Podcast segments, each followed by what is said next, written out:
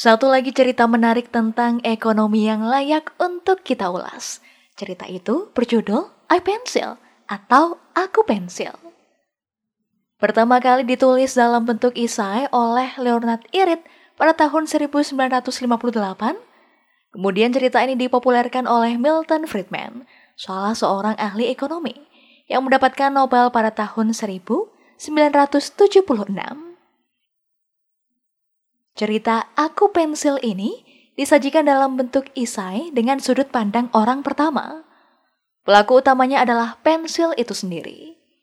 Dalam cerita tersebut dikisahkan bahwa sebuah pensil itu tersusun oleh komponen yang kompleks, seperti kayu, grafit, karet, aluminium, dan lem. Butuh puluhan proses kecil yang harus dilalui, butuh ratusan atau bahkan ribuan orang yang bekerja sama untuk menghasilkan sebuah pensil ini. Pada mulanya, manusia memang menebang kayu di hutan, kemudian mengangkutnya ke pabrik kayu untuk dipotong menjadi bentuk yang lebih kecil.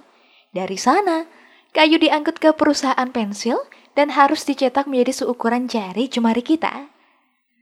Di lain tempat, ada perusahaan yang khusus memproduksi grafit, karet, dan lem. Grafit didapat dari tambang karbon di dalam bumi.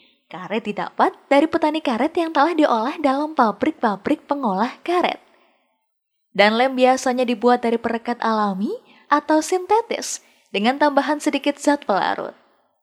Lalu aluminium harus ditambang dari dalam perut bumi. Aluminium kemudian dibentuk sedemikian rupa agar bisa digunakan sebagai tempat penghapus yang terbuat dari karet. Karet lalu direkatkan pada aluminium menggunakan lem. Alur pembuatan pensil ini ternyata sangatlah kompleks. Tidak ada satupun pelaku ekonomi yang bisa mengkoordinir kompleksitas ini. Setiap perusahaan kayu, grafit, karet, lem, dan aluminium memiliki self-interest masing-masing. Mereka tergerak untuk memproduksi bahan mentah pembuatan pensil hanya karena ingin profit. Mereka memproduksi karena ada permintaan dari pasar. Pasar paling hilir dari produksi pensil adalah entitas dalam dunia pendidikan. Seperti pelajar, guru, dosen, atau dunia administrasi perkantoran. Semua perusahaan itu merekrut karyawan dengan berbagai macam self-interest. Tanpa disadari, mereka semua tergabung dalam rantai pasok pembuatan pensil. Mereka bekerja sama tanpa mengenal satu dengan yang lain tanpa memandang bulu, ras, suku, agama, negara, dan warna kulit. Itu hanyalah sebuah pensil. Kita sering meremehkannya. Sebuah barang yang sederhana dan murah. Kehilangan pensil adalah sebuah hal yang tidak terlalu berarti. Kita bisa membelinya lagi di toko ATK terdekat dengan mudah. Bayangkan saja untuk barang-barang yang lain, seperti handphone, gelas, mobil, lampu, dan lainnya. Kita harus menambang dari bumi di sektor hulu, kemudian masuk dalam industri manufaktur di sektor hilir, masuk ke retail, dan sampai di genggaman kita.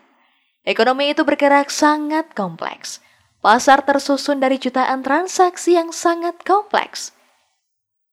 Tidak ada satupun pelaku ekonomi yang bisa mengendalikan mekanisme pasar ini. Baik itu sekelumit orang super yang duduk di pemerintahan, bank, atau pimpinan perusahaan elit.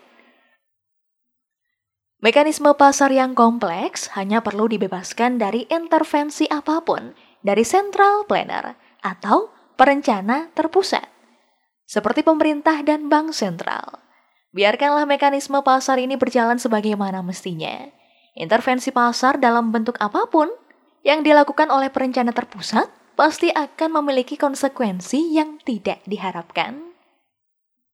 Terlihat baik di awal, belum tentu membawa kesejahteraan secara keseluruhan di akhir. Masih ingat kan kalian cerita tentang efek kobra di episode sebelumnya? Kita hanya perlu menjaga informasi pasar bergulir tanpa banyak hambatan akses. Seperti geografis, ras, agama, suku, adat, golongan, negara atau warna kulit. Kita hanya perlu mengedukasi pelaku ekonomi agar mengambil keputusan yang tepat dan membawa kesejahteraan bersama.